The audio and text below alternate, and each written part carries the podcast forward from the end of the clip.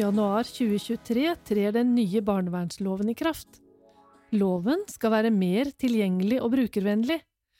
Den skal ivareta Norges menneskerettslige forpliktelser, og ikke minst skal den styrke barn og foreldres rettssikkerhet. Men hva betyr dette egentlig?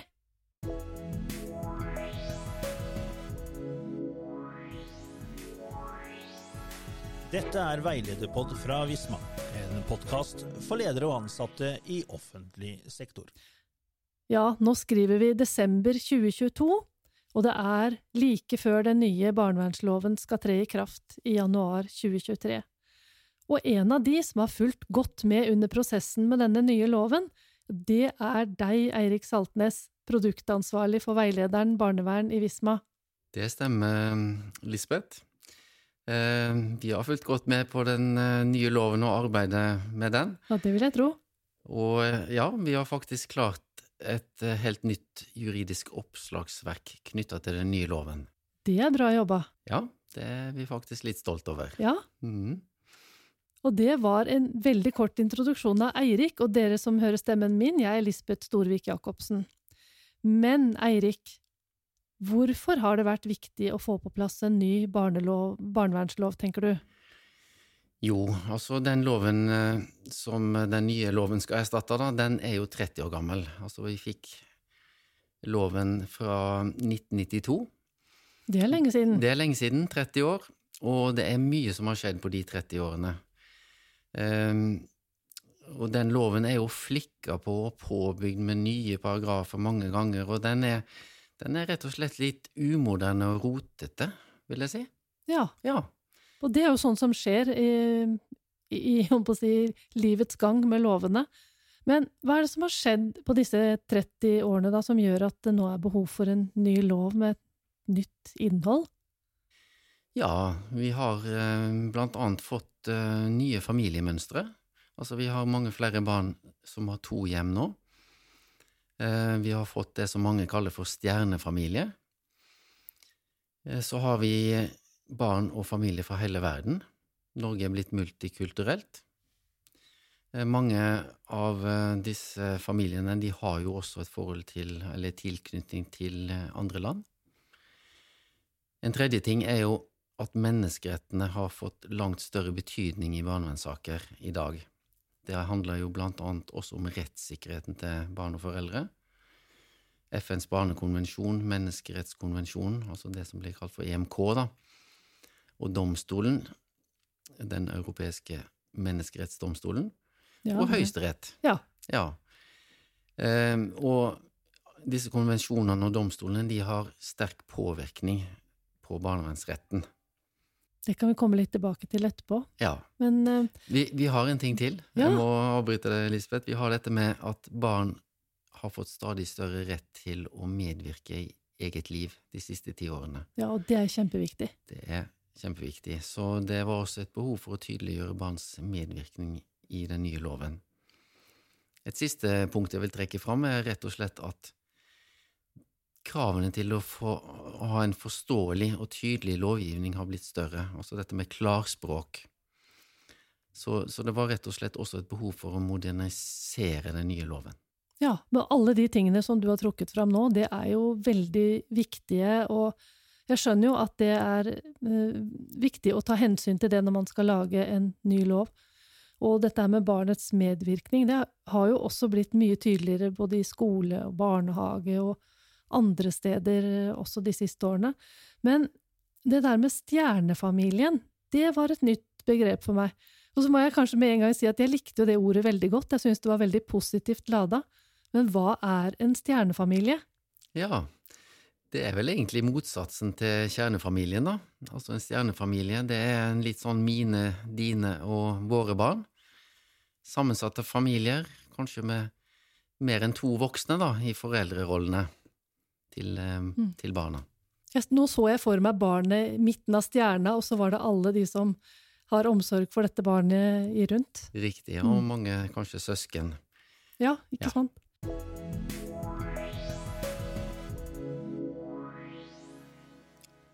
Eirik, du nevnte EMD og Høyesterett i stad.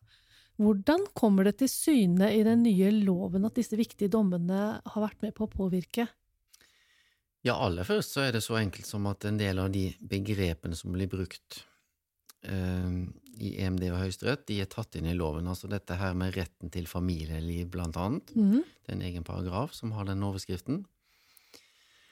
Hensynet til familiebånd, det er en annen formulering som er tatt inn. Det å opprettholde båndene mellom barn og foreldre, også mellom barn og søsken og andre i familien. Og, og det er begreper og formuleringer som, som, vi har blitt kjent med de senere årene, da, som ikke står i den loven vi har i dag. Så er det jo dette at omsorgsovertagelse er midlertidige, og at det, det er et gjenforeningsformål. Selv om ikke ordet gjenforening og gjenforeningsformål står i selve loven, så, så er det veldig tydelig at det er et viktig fundament som hele barnevernsloven bygger på. Dette med at barnevernstjenesten har en aktiv plikt til å arbeide for gjenforening når barn og foreldre blir skilt ved en omsorgsovertagelse. Så, så det er veldig mange ting i loven knytta f.eks. til dette med samvær, som, som uh, tydeliggjør disse tingene som EMD særlig da har vært opptatt av, og som har gjort at Norge da har fått kritikk for uh, praksis i barnevernssaker. Um, derfor er det også et eget kapittel nå om oppfølging av barn og foreldre. Egen paragraf, blant annet, om oppfølging av foreldre etter omsorgsovertagelse. Og da er det hele tida dette med at um, eh, omsorgsovertagelsen som utgangspunkt er midlertidig, og at gjenforening formålet er kjempeviktig. Mm. Det er jo fint, da, og også det at de har tatt EMD inn i, inn i lovteksten. Ja. Så må det være enklere å forholde seg til. Og det, der hadde kanskje ikke Norge så stort valg heller, i og med at uh, Norge så tydelig er dømt nå i flere saker, da. Ja, det, det er så du tenker at det var også et krav om å få det inn i lovverket? Krav og krav, men, Ja. men uh, disse sakene i EMD de har jo pågått mens uh, denne loven har blitt utarbeida. Mm. Og jeg er ganske så sikker på, det, det viser egentlig lovforarbeidene også, at gradvis så har um, denne kritikken fått større betydning for lovarbeidet og blitt tatt mer inn i den loven som nå endelig er vedtatt. Da. Mm. Men det her med å, når barnevernet kan gripe inn med tvang, er det noen endringer der òg? Nei, altså da tenker vi jo oftest på dette med omsorgsovertagelser, Ja. som ikke er frivillige da i de sammenhengene vi snakker om når vi bruker ordet tvang. Ehm, terskelen for å gripe inn, den bryter ikke med menneskerettighetene ifølge EMD. Nei, så det var ikke det som har vært problemet? Det var ikke det som var problemet, men det er mer um, at begrunnelsen når det blir gjort, har ikke vært god nok. Og derfor så har den nye loven nå skjerpa kravene til saksbehandlingen. Og det er jo for å ivareta denne rettssikkerheten til barn og foreldre, og i, komme i møte den kritikken som EMD da har eh, kommet med overfor Norge. Eh, for de har jo etterlyst eh, et bredt og oppdatert avgjørelsesgrunnlag. Oppdatert. Avgjørelsesgrunnlag, ja. ja. betyr det at barnevernet tidligere har tatt, eh, lagt vekt på ting som har skjedd for lenge siden, og ikke tatt med seg det over i si, dagens Om det har skjedd endringer i, i nyere tid? Ja, det er en helt konkret kritikk Norge har fått. At nye opplysninger ikke har blitt vurdert og tatt med i avgjørelsesgrunnlaget. Så eh, derfor så har den nye barnevernsloven nå en egen bestemmelse om barnevernets journalplikt. Barnevernet har selvfølgelig hatt journalplikt også tidligere. Det har jo vært underforstått via forvaltningsloven og forvaltningsretten sånn ellers, men nå er det en egen bestemmelse som sier at barnevernet har plikt til å dokumentere alle vesentlige faktiske opplysninger og barnevernsfaglige vurderinger som eh, barnevernet bygger saksbehandlingen sin på. Ja, sånn at det er tydeligere spesifisert i loven. Tydeligere Mm. spesifisert. Og det sies også da at uh, dette er viktig med tanke på de beslutninger og vedtak barnevernet skal treffe. Eh, og særlig dette her med barnevernsfaglige vurderinger, det er etterlyst. Både eh, i domstolene, som vi snakker om EMD og Høyesterett, Mhm. men også i tilsynsrapporter om eh, barnevernet. Fordi det er jo de barnevernsfaglige vurderingene som, som begrunner barnevernets valg og handlinger, da. Hvorfor gjør barnevernet Ja. som de gjør? Jo, fordi sånn og sånn. Ehm, og, og det er på en måte det som er fa barnevernsfaget, egentlig. Det å, det å vurdere de faktiske opplysningene, sette de inn i en sammenheng, og bruke loven, da. Og til sjuende og sist også da barnets beste, som er, som er den grunnleggende det grunnleggende hensynet til sjuende og sist, da. Men hele veien at det må dokumenteres fra første stund, fra undersøkelsen, helt fram til eh, vedtak og oppfølging av vedtak. Ja, og det, det er jo egentlig, så syns jeg jo det er litt logisk, for det er jo den eneste måten man kan eh, gå etter et vedtak i sømmene på, da. Det er jo å se hva er det som har skjedd, hva har man tenkt, og hvordan har man vurdert. Nettopp, og det er det som ofte blir etterlyst. Også Mm. disse avveiningene. Det, eh, barn og foreldre har ofte like interesser, men i noen av disse sakene så er jo interessene i konflikt med hverandre. Og da må også barnevernet veie foreldrenes interesse. Man kan ikke se bort ifra foreldrenes interesse, man må veie barnets interesse opp imot foreldrenes interesse, og komme fram til en til en god og riktig beslutning. Og da må man ha et bredt avgjørelsesgrunnlag, og det må være oppdatert. Man må ha med alt det siste. Viktig. Viktig. Men det er veldig mye å forholde seg til for de som jobber i barnevernet. For du snakker om menneskerettigheter, du snakker om EMD, du snakker om Høyesterett, det er ny barnevernslov, det er strengere saksbehandlingsregler, de skal dokumentere mer. Ja, eh, ja, det er det- ikke bare bare for de som eh, jobber ute i felten. Nei, det er ikke bare bare. Og um, det er viktig med god kompetanse i barnevernet, selvfølgelig.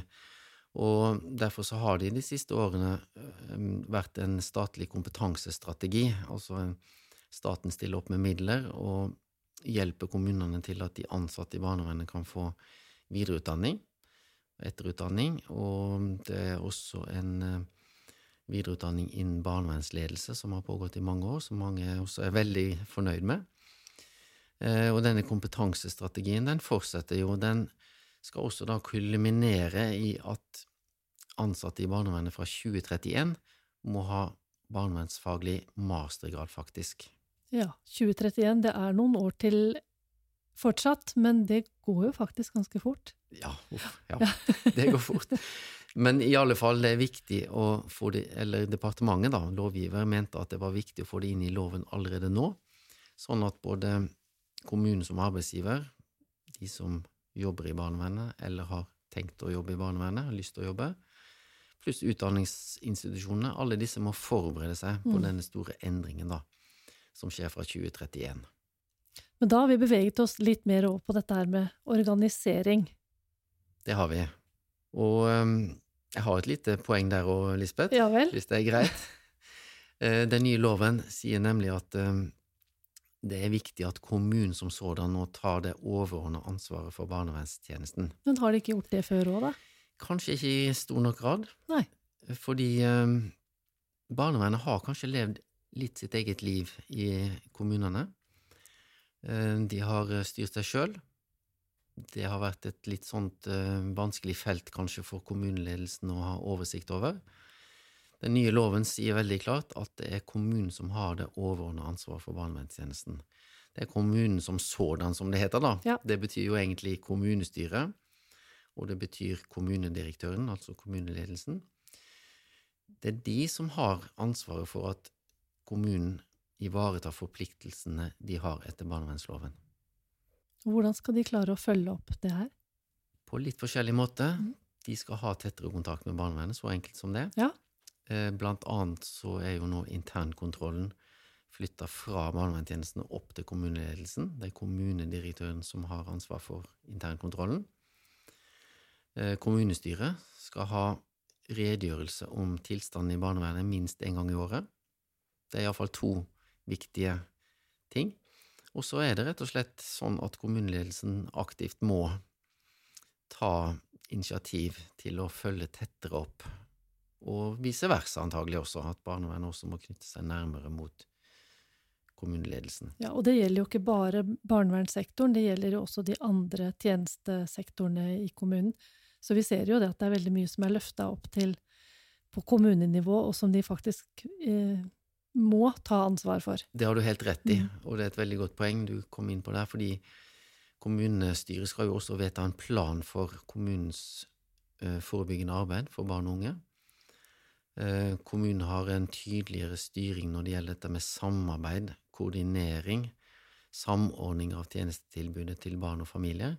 Det er jo denne endringen i velferdslovgivningen Ja, Eh, Der er det jo faktisk 14 lover, da, eh, hvor, hvor kommunen på en måte får et mer sånn samordningsansvar. Eh, eh, Instansene må bli flinke til å samarbeide med hverandre. Kommunen som sådan, som det heter, da, må Mm. bli flinke til å samordne, legge en plan osv. Så, videre. så alle disse tingene henger jo sammen. Og barnevernsreformen har jo vi i veilederen hatt mye om tidligere. Den er også viktig her, for alle som jobber med barn og unge i kommunen, har jo et ansvar for at barn har det trygt og godt, både i familien og for, for øvrig i, eh, i livet sitt i kommunen, da. Ja, og de barna som er i barnevernet, de går jo på skolen, og de er i barnehagen. Så det er jo klart at de må samarbeide. Absolutt. Mm. Så, så dette er kanskje den siste steinen da, i det byggverket, nemlig med at kommunen nå også må, må komme tettere på den daglige driften av barnevernet.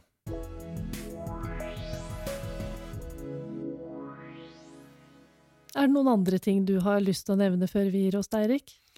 Ja, jeg har lyst til å nevne at eh, den nye barnevernsloven den tydeliggjør rettspraksis på barnevernsfeltet. På hvilken måte? På den måten at eh, det som har vært gjeldende rett, mye av det nå er tatt inn i selve loven. Altså ting som vi tidligere måtte til lovfortolkninger, prinsipielle dommer kanskje, rundskriv og retningslinjer for å finne, det framgår nå mer direkte av loven.